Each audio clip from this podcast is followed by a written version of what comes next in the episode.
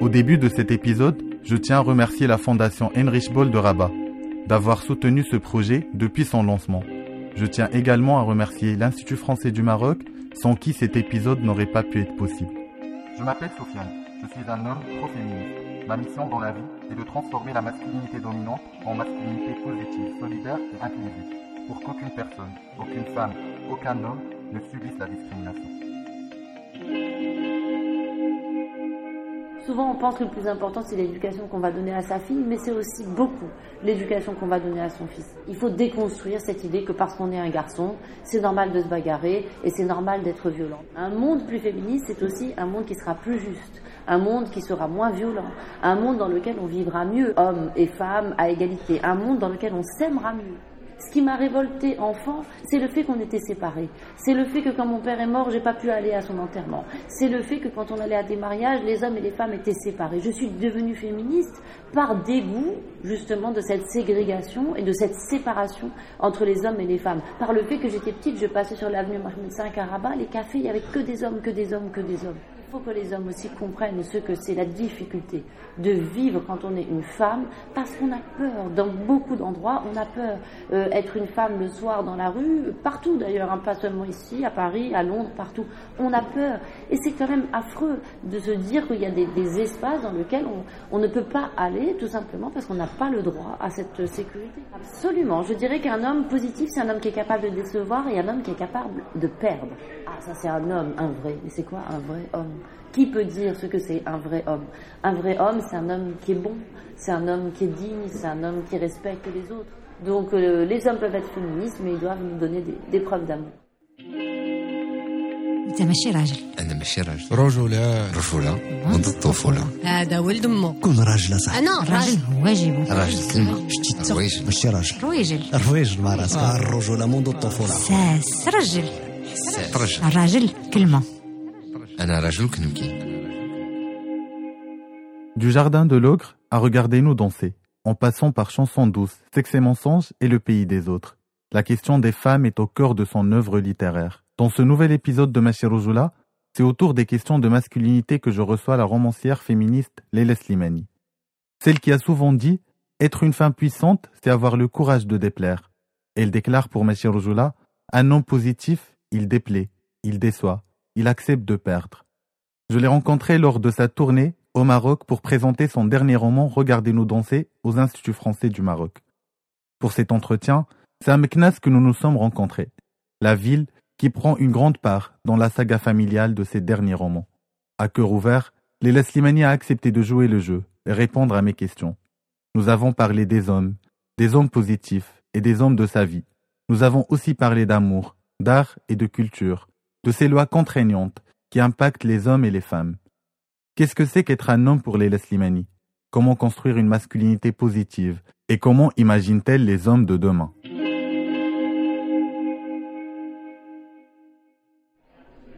Bonjour Léla Slimani. Bonjour, Merci d'avoir accepté l'invitation de Meshir avec grand plaisir. Je vais commencer par te poser une première question que j'aime poser à mes invités. Qu'est-ce que c'est qu'être un homme pour toi?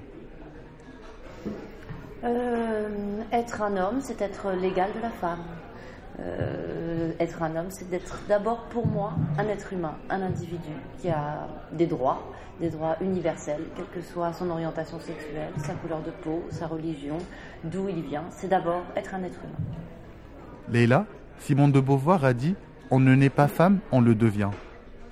Devient-on des hommes aussi? Ah oui, je le crois aussi, mais d'ailleurs Simone de Beauvoir le dit aussi, qu'il y a une invention de la masculinité au même titre qu'il y a une invention de la, de la féminité. Et, et malheureusement, je pense que cette invention de la masculinité, elle est souvent euh, très dommageable aux hommes, parce qu'on construit souvent les hommes sur un modèle de virilité euh, un peu prédatrice, violente, euh, dominatrice. On met dans la tête des hommes aussi qu'ils seraient, entre guillemets, des porcs, c'est-à-dire des êtres incapables de maîtriser leur, leurs émotions, de maîtriser leurs désirs. Et donc, effectivement, il y a une violence dans la construction de la masculin- masculinité qui est évidente.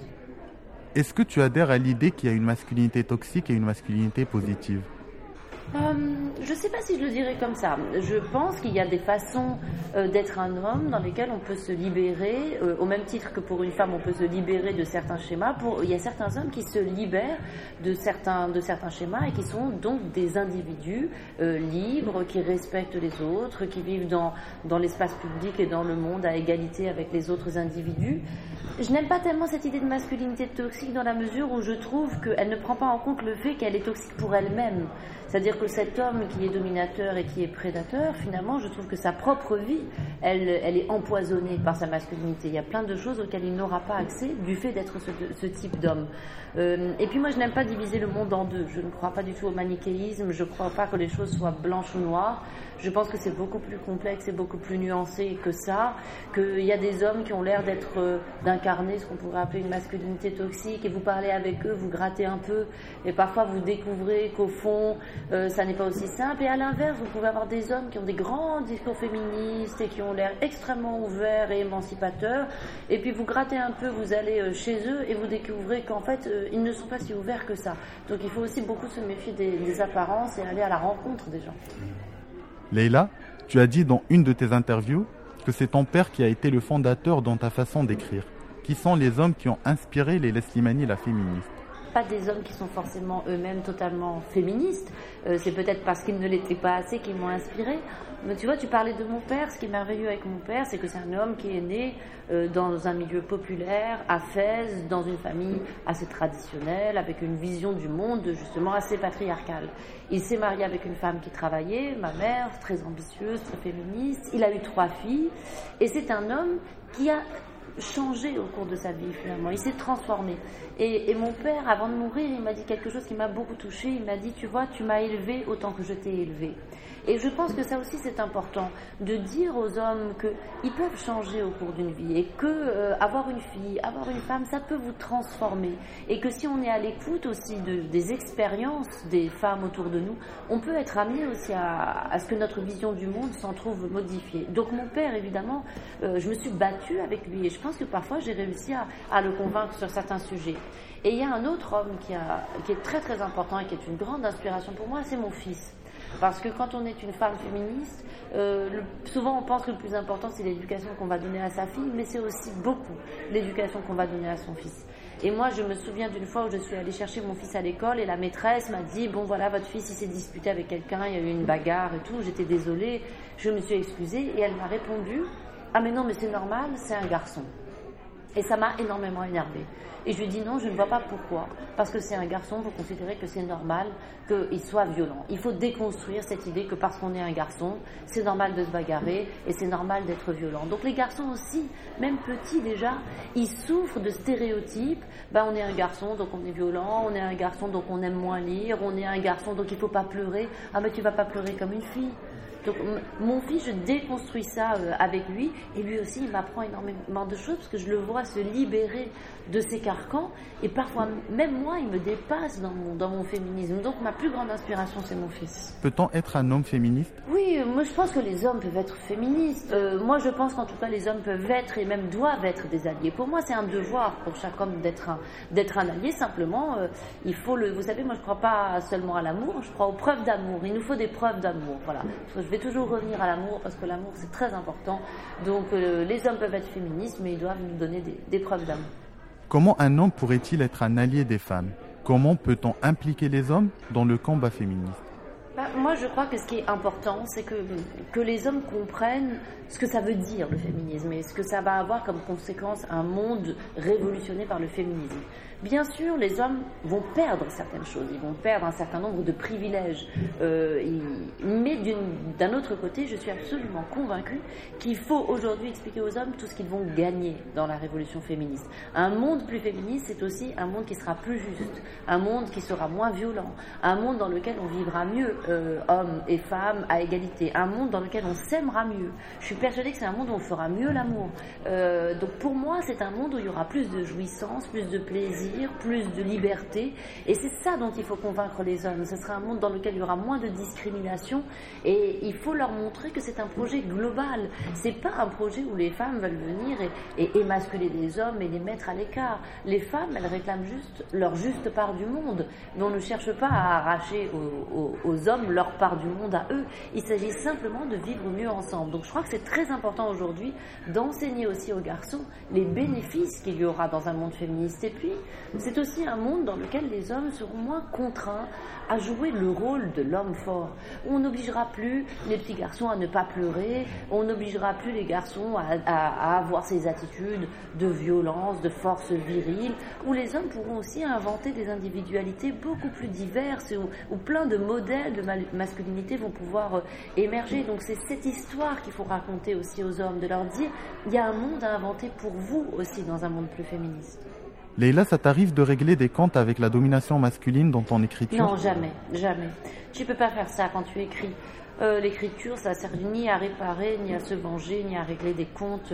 Euh, on parle d'autre chose. Quand on écrit, on, est dans un moment de grande tendresse pour l'être humain, de grande indulgence. Tu viens avec un personnage pendant des jours et, des semaines et des mois, et tu finis toujours par l'aimer. Même un personnage qui est un salaud, tu finis toujours par découvrir des, parts de lui qui sont lumineuses et qui sont belles parce que ça reste un, être humain. Donc, euh, non, au contraire, les personnages d'hommes dans mes livres, j'ai beaucoup de tendresse pour eux, beaucoup d'indulgence parce que je trouve qu'aussi les hommes sont souvent très empêchés.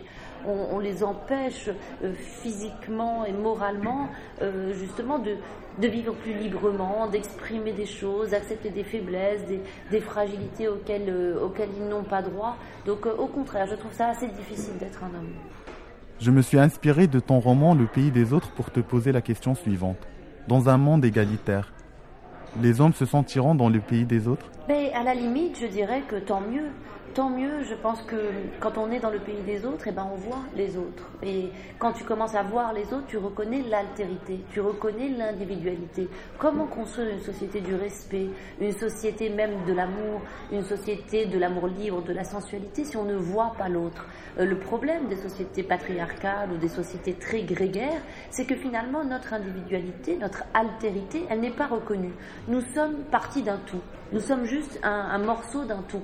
Mais moi, je veux être l'autre. Et je te regarde, toi, tu es à la fois le même que moi, mais tu es un autre. Ton corps, il t'appartient, il est un autre. Il y a une sorte de, de frontière entre nous que je respecte. Ta pudeur, ton intimité, tes secrets, même ton droit au mensonge, ton droit à ne pas tout dire. Et donc l'autre, pour moi, au contraire, c'est une belle figure. Et l'idée de se sentir étranger, ça n'est pas forcément grave.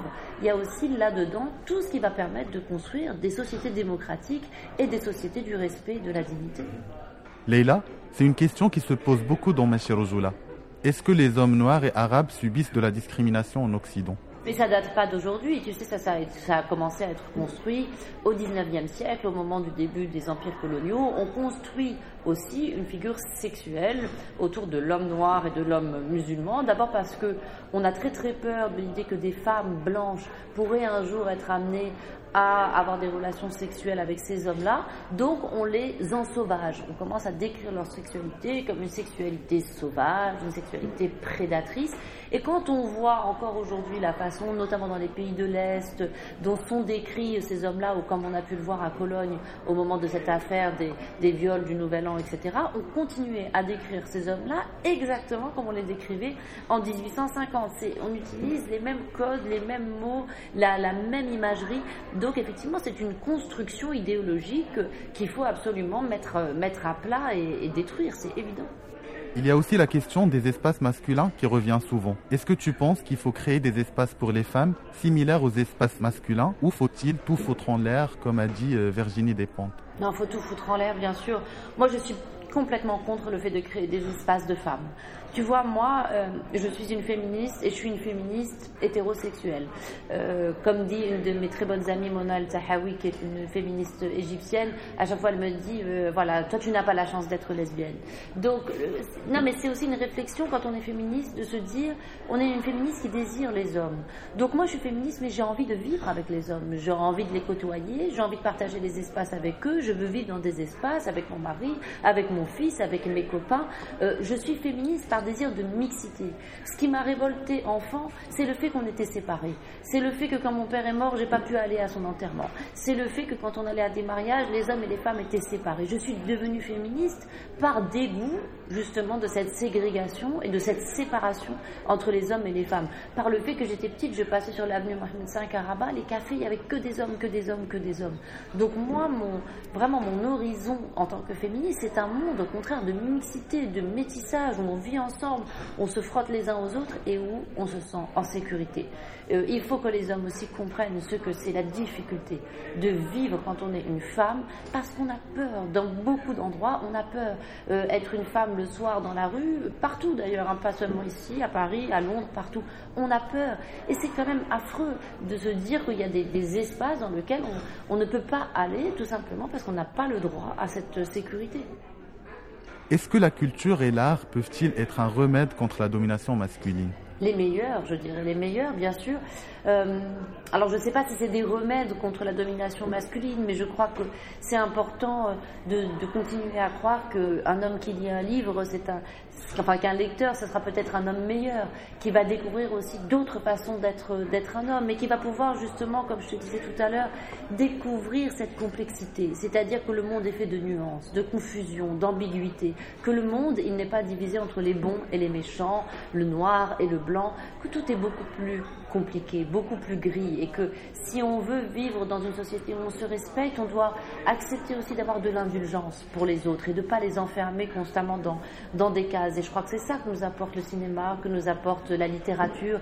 Elle nous oblige à regarder chacun avec toute sa complexité, à l'accepter tel qu'il est, et finalement à avoir une certaine indulgence, à se dire, moi, voilà, j'ai moi aussi finalement mes propres faiblesses, mes propres fragilités, mes propres défauts. Si j'ai envie qu'on respecte cette fragilité, je dois respecter celle de l'autre. Tu définis une femme puissante comme une femme qui a le courage de déplaire, un homme positif. Ne serait-il pas un homme qui est capable de déplaire et même de décevoir d'autres hommes comme lui? Absolument. Je dirais qu'un homme positif, c'est un homme qui est capable de décevoir et un homme qui est capable de perdre. Parce que l'expérience de la perte, c'est une expérience extrêmement importante. Tu sais, tous les arts martiaux, quand tu commences à apprendre un art martial, tu commences toujours par la première leçon, tu apprends à tomber. On te dit, avant d'apprendre à te battre, il faut apprendre à tomber. Il faut apprendre à chuter. Et c'est ça qu'on n'apprend pas aux petits garçons. Eh bien, il faut leur apprendre à perdre. Et perdre, ça n'est pas grave. On n'est pas obligé toujours d'être un vainqueur, d'être un dominant, d'être un gagnant. On doit accepter parfois bah, qu'on n'est pas le premier, qu'on n'a pas toujours des privilèges, que parfois c'est une fille qui aura la position que toi tu voulais avoir. Et puis c'est comme ça. Donc effectivement, pour moi, un, homme positif, c'est un homme euh, qui se détache d'abord du regard des autres hommes et, et, même en général de la société sur lui, qui ne se sent pas obligé d'arborer cette image de l'homme là encore fort et dominant et quelqu'un aussi qui accepte de temps en temps de perdre, de ne pas toujours être un gagnant. J'aimerais aussi te parler des articles liberticides dans le code pénal marocain l'article 489 et 490 qui criminalisent les libertés sexuelles ne sont pas appliqués de la même manière sur les hommes et les femmes. Sur les riches et les pauvres aussi, parce que je pense que c'est ça aussi qui est très très important et c'est, ça qu'il faut dire aussi aux Marocains, c'est qu'il faut leur dire soyez conscients que, que ces lois aussi c'est une question de justice sociale. Si vous êtes pauvre, que vous êtes une femme, que vous vivez dans un euh, quartier périphérique ou dans, dans le monde rural, vous aurez beaucoup plus de chances d'être agressé sexuellement, d'être victime d'un viol, d'être victime d'une d'une grossesse non désirée, d'un avortement clandestin, c'est aussi une problématique sociale. Les plus touchés par ces lois, par cette répression, ce sont les pauvres, ce sont les gens qui sont tenus euh, justement à l'écart. Et, il faut dénoncer cette injustice parce qu'une loi qui n'est pas appliquée à tous, une loi qu'on applique différemment selon que vous êtes riche ou pauvre, que vous avez du pouvoir ou que vous n'en avez pas, est forcément une loi injuste. Et, moi, ça, ça me, révolte profondément. Déjà, le, substrat moral de cette loi me révolte évidemment parce que je trouve que toute sexualité et tout rapport sexuel doit d'abord et avant tout et simplement être basé sur le consentement. Je veux dire, notre corps, on va vivre avec toute notre vie on va mourir de ce corps, on va souffrir. Si tu ne peux pas mourir à ma place, si tu ne peux pas souffrir à ma place, tu ne peux pas vivre à ma place. Et tu ne peux pas choisir à ma place avec qui je vais être. Donc déjà, le, voilà, le, substrat et la légitimité de ces voix sur le plan euh, moral me révolte, mais alors en plus, euh, cette euh, injustice sociale, je trouve, doit faire que les gens doivent se soulever contre cette loi. Leïla, Aurais-tu un conseil à donner aux jeunes qui nous écoutent? Honnêtement, je, trouverais de ma part euh, ça très malvenu de donner un conseil, de dire aux gens ce qu'ils doivent faire. Euh, surtout que moi, j'habite, euh, j'habite en Europe, j'ai la possibilité de jouir d'une liberté dont beaucoup de gens ne peuvent pas jouir, donc je trouve que ce serait indécent de ma part de donner un conseil. Mais ce que je peux dire, c'est que je suis consciente d'une chose et je ne vais pas mentir, la liberté, elle a un coût. La liberté, c'est. Je vais pas venir voir les gens et leur dire, mais allez, libérez-vous, c'est facile, c'est pas vrai. Je mentirais en disant ça. La liberté, c'est difficile. Euh, la liberté, elle coûte très cher. Souvent, euh, quand on fait le choix d'être libre dans des sociétés où malheureusement il y a des empêchements à cette liberté, euh, souvent on est seul, euh, souvent on est marginalisé. Ça, c'est vrai. Je vais pas mentir là-dessus. Mais en même temps, rien ne vaut la liberté. Il n'y a rien de plus beau et il n'y a rien de plus puissant qu'une vie qui est vécue libre. Mais c'est une vie difficile et ça, là-dessus, je ne vais pas mentir. Comment tu imagines les hommes du futur? Je les imagine, euh, je les imagine beaucoup plus émancipés qu'aujourd'hui. Et surtout, ce qui est bien, c'est que je pense que justement, je ne peux pas les imaginer parce qu'ils vont inventer des choses que je ne peux même pas encore imaginer aujourd'hui. Je pense que tout ce qu'il y a à inventer autour de la, masculinité va énormément nous surprendre. Donc c'est pour ça que je te disais que mon modèle c'est mon fils parce que euh, mes modèles aujourd'hui ce sont les jeunes. Euh, ils me surprennent tous les jours, ils me vraiment ils me fascinent, je les trouve extraordinaires et donc j'attends j'attends beaucoup d'eux. Il y a, euh, je crois qu'on met beaucoup d'espoir aussi dans cette jeunesse. Si je te dis, ma chère Rojola, qu'est-ce que cela t'inspire Cette idée qu'il y a des codes et qu'il y aurait des cases et que c'est ça qui définit qu'est-ce que c'est euh, Rojola, être un homme, être viril, voilà, et qu'il faut se comporter comme. Un, vous savez, c'est comme cet être un homme, un vrai. Ah, ça c'est un homme, un vrai. Mais c'est quoi un vrai homme? Qui peut dire ce que c'est un vrai homme? Un vrai homme, c'est un homme qui est bon, c'est un homme qui est digne, c'est un homme qui respecte les autres. Je veux dire, ça n'a rien à voir avec euh, euh, la taille de tes muscles, avec la, la, la grosseur de ta voix ta capacité à, à te mettre en colère. C'est tout à fait autre chose d'être un, un homme, un vrai. Un dernier message aux hommes qui nous écoutent. Qu'est-ce que tu aimerais leur dire? Que je les aime. Voilà, que je les aime, que je ne leur pardonne pas euh, pour un certain nombre de choses qu'ils font, mais, mais que malgré tout, il y a beaucoup d'amour. Il y a beaucoup d'amour. Et je crois que le féminisme, les gens pensent toujours que c'est la guerre, mais le féminisme n'aspire qu'à une chose, c'est qu'il puisse y avoir de l'amour entre les êtres, euh, en- entre les homosexuels, entre les hommes et les femmes, entre les femmes et les femmes, entre les hommes et les hommes. Au fond, c'est ça notre combat. C'est un combat d'amour. Donc, euh, je ne veux pas du tout arriver en disant, ça ne veut pas du tout dire que j'ai pas de colère, que j'ai pas de révolte, et je pense que tu le sais, que tu, tu le sens et que tu l'as lu, mais je n'ai pas de haine. Je, ne suis jamais motivée par la haine. Euh, les individus, je n'ai que de l'amour pour eux, et donc j'ai envie que ce soit cet amour qui, se répande. Donc, euh, à la fois, je suis en colère contre eux, mais malgré tout, j'ai de l'amour. Je suis très heureux d'avoir effectué cet entretien avec les Slimani. Merci Juste beaucoup. avant de couper, j'ai Ouais. un tout petit livre que j'ai- j'aimerais t'offrir. Ah, bah merci C'est le livre qui m'a inspiré le podcast Monsieur Rojola. Et voilà, Eh voulais super. un- Ah bah c'est sympa, merci. Bon bah tu vois, tout s'est bien passé, regarde en plus voilà. une demi-heure. C'est le premier livre que j'ai C'est génial, merci beaucoup. hein. À la fin, je tiens à remercier la Fondation Heinrich Boll de Rabat, les instituts français de Meknas et de Casablanca, Charlotte Tertré de l'Institut français du Maroc. Merci à Loubna Yousfi. Merci à Morgan Ahmar et Amin Boushaba, mes camarades de lutte contre les masculinités toxiques.